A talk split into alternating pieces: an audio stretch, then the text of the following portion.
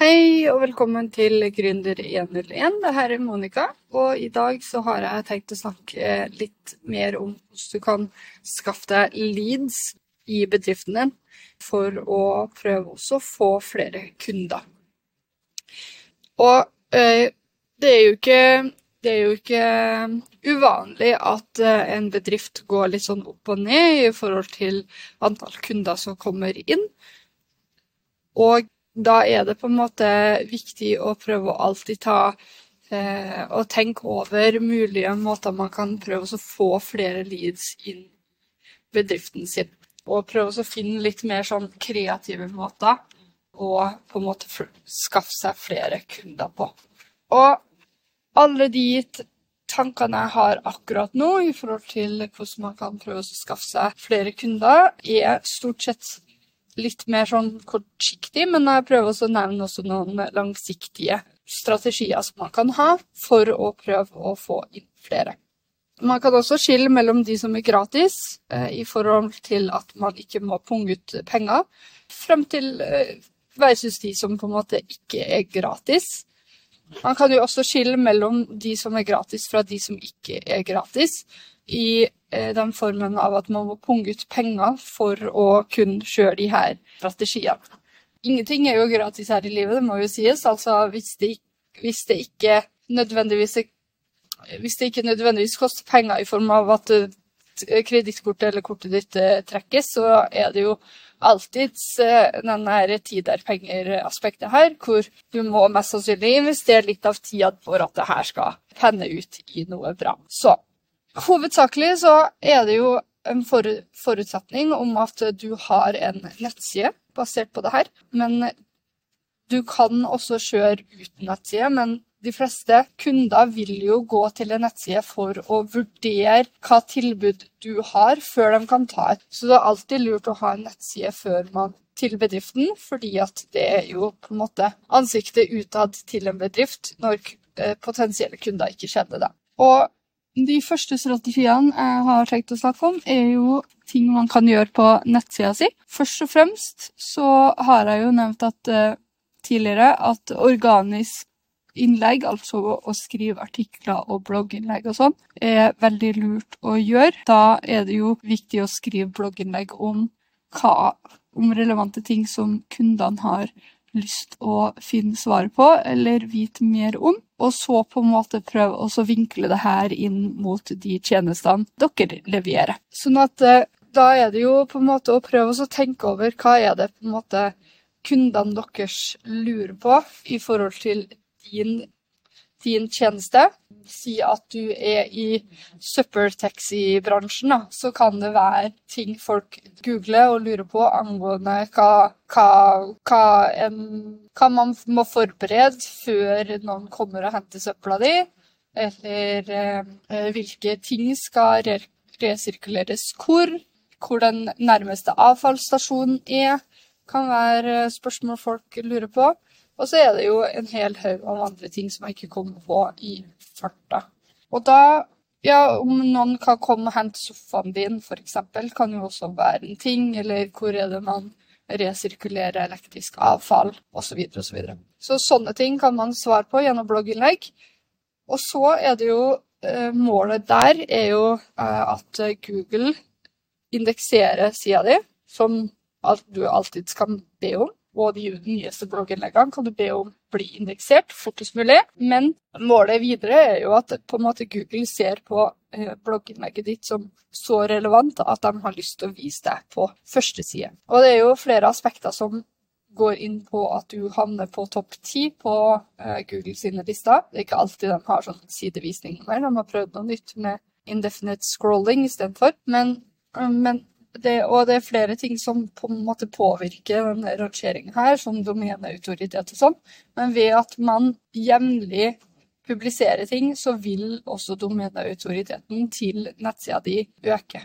Og det jeg snakker om nå, handler rett og slett om at Google vil se at du faktisk er en troverdig kilde, at du bidrar med noe til kundene deres, altså folk som søker, og at kundene setter pris på de innleggene du leverer. Og så er det jo spørsmålet OK, men hvis jeg ikke greier å komme opp med alt det her i hodet mitt, hva gjør jeg da? Jo, da finnes det jo andre eh, sider man kan bruke for å finne ut hva folk søker på.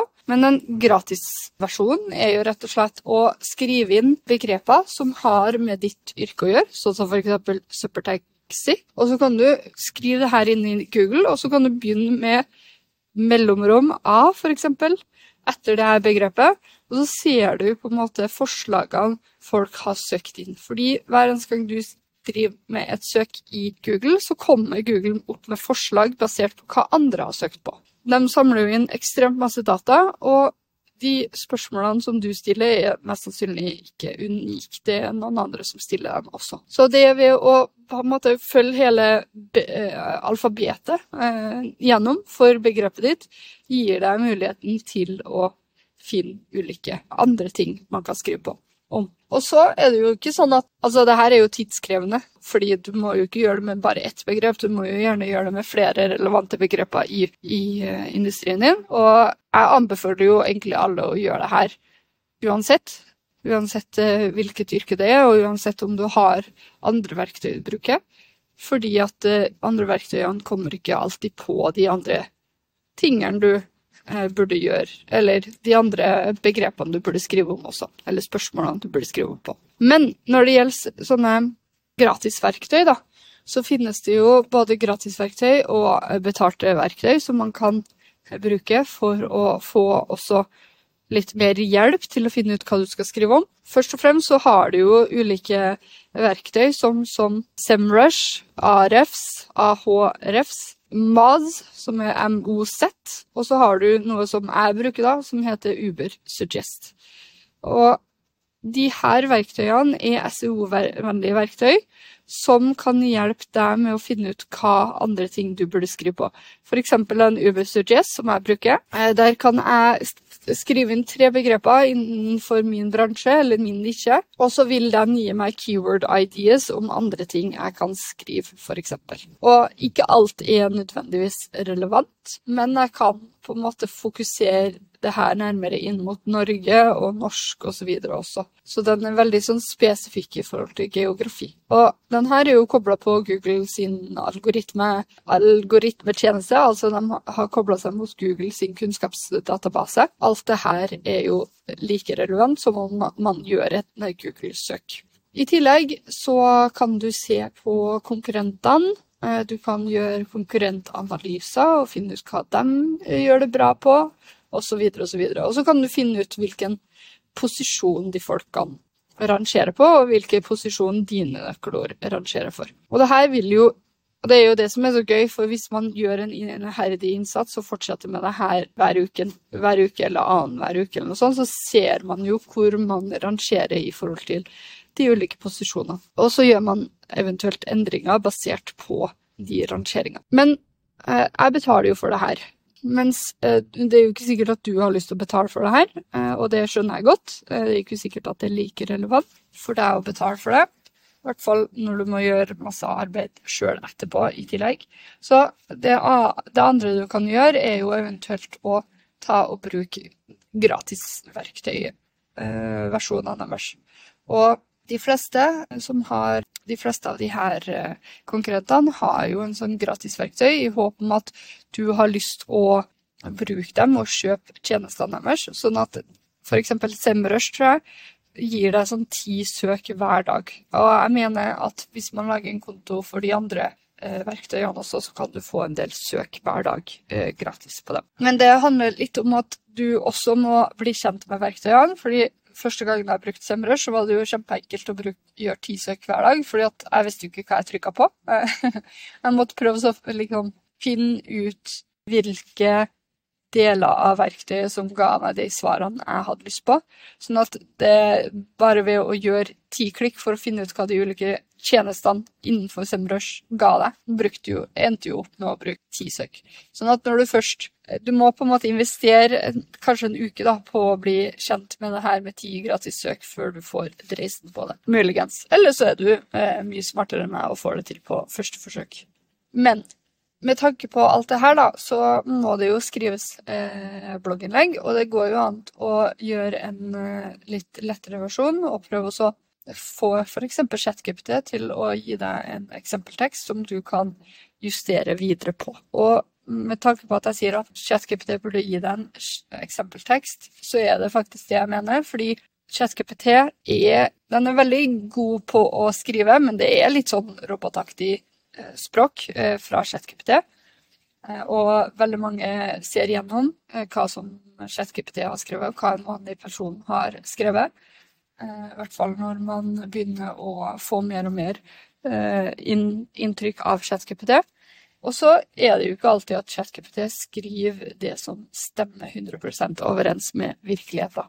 Sånn at det å, det å dobbeltsjekke at den kunnskapen er riktig, det er veldig, veldig viktig i tillegg. Å google og undersøke litt ekstra, eller bruke den kunnskapen som du rett og slett har i hodet. Men ikke bli så lat at man på en måte bare har også ber ChatGPT om å skrive en innlegg på 1000 ord for deg om et eh, nøkkelord, og så kopierer du og limer det inn på blogginnlegget ditt. For da vil ikke Google anse det her som troverdig i det hele tatt. Google også begynner jo å utvikle algoritmer for å finne ut hva som er skrevet av ChatGPT, og hva som er skrevet av vanlige folk.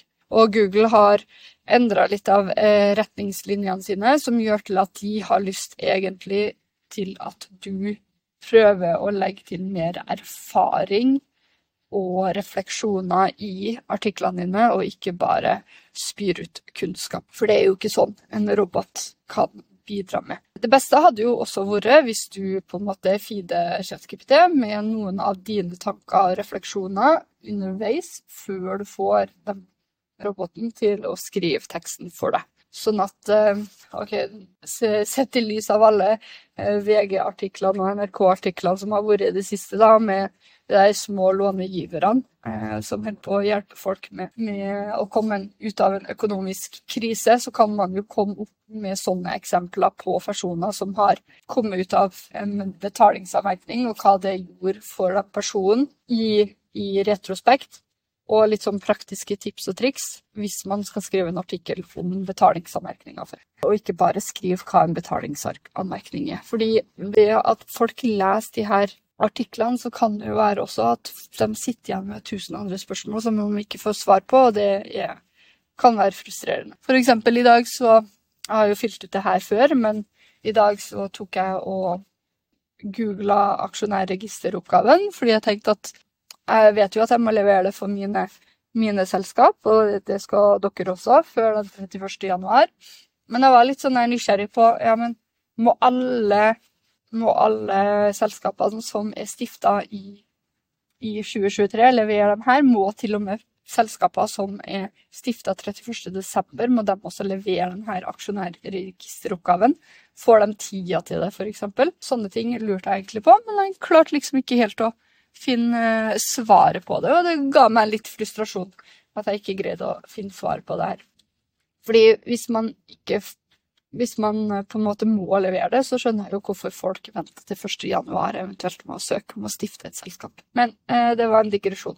Men eh, i tillegg da til det her organiske innleggene og sånn, eh, så er det jo viktig å oppdatere innleggene sine også jevnlig. Google liker jo oppdatert informasjon, og da handler det jo rett og slett om å bruke ulike verktøy for å se hvilke innlegg gjør det bra, og hvilke som trengs å oppdateres. Og Noen ganger så handler det rett og slett bare om å oppdatere title og meta description for å få flere og flere til å klikke inn på artikkelen din. Og det beste verktøyet for å bruke det her er jo et gratis verktøy, og det er Google Search Console, som eh, indekserer alle sidene dine. Eh, som du burde uansett bruke aktivt når du lager blogginnlegg, for du kan be Google om å indeksere sida di, og da tar det maks to-tre dager før den sida er indeksert. Mye bedre enn tre måneder, i hvert fall. Så ved å ta også se gjennom hvilke nøkkelord som gjør deg synlig for andre kunder som søker på Google, hvor mange visninger den, eh, den eh, sida de har i forhold til det folk søker på, og hvor mange klikk den har. Da får du jo på en måte også opp eh, click-through rate på sidene dine og visningene dine. Så kan du gjøre endringer på de her. Og så finnes det jo de andre verktøyene som jeg snakka om, har jo også de her eh, verktøyene som viser deg posisjonen du har på de ulike søkeordene osv. Og, og da handler det rett og slett om å gjøre endringer på nettstedet ditt basert på det her. Og da kan det være å legge til mer informasjon, det kan handle om å fjerne noen ord, det handler om å gjøre noen endringer i formuleringene sine, eller utdype noe mer. Eh, og så handler det rett og slett om å legge til mer i metabeskrivelsen, eller endre metabeskrivelsen, som gjør til at folk har lyst til å lese artikkelen din som jeg sa i stad. Og det her er jo et langsiktig aspekt på å få flere kunder, og det er noe man må på en måte ja, slå seg til ro med, at det kommer til å ta litt tid. Men eh, målet, og forhåpentligvis langtidsaspektet her, sier jo at eh, hvis du gjør det her jevnlig, eh, så vil jo flere og flere eh, tiltrekkes nettsida di, og så vil du ha muligheten til å få flere organiske leads. Er flere, da vil flere vite om deg, og de vil anse deg som en troverdig kilde. Og de, eh, det er veldig mange som lurer på noe, for så å prøve å booke en tjeneste senere. Så hvis de lurer på noe og får svar av deg, så er det jo større sannsynlighet for at de booker deg som en tjeneste senere også og at de husker deg igjen fra en god artikkel de har lest om deg. Så bruk litt tid på det blogginnleggene, i hvert fall hvis man har litt sånn ledig tid i, i, livet sitt til å gjøre det her, så anbefales det veldig å eh, skrive sånne blogginnlegg for å, eh, for å muligens få flere leads. Det var episoden for i dag. Tusen takk for at du lytter på, og så høres vi i neste episode.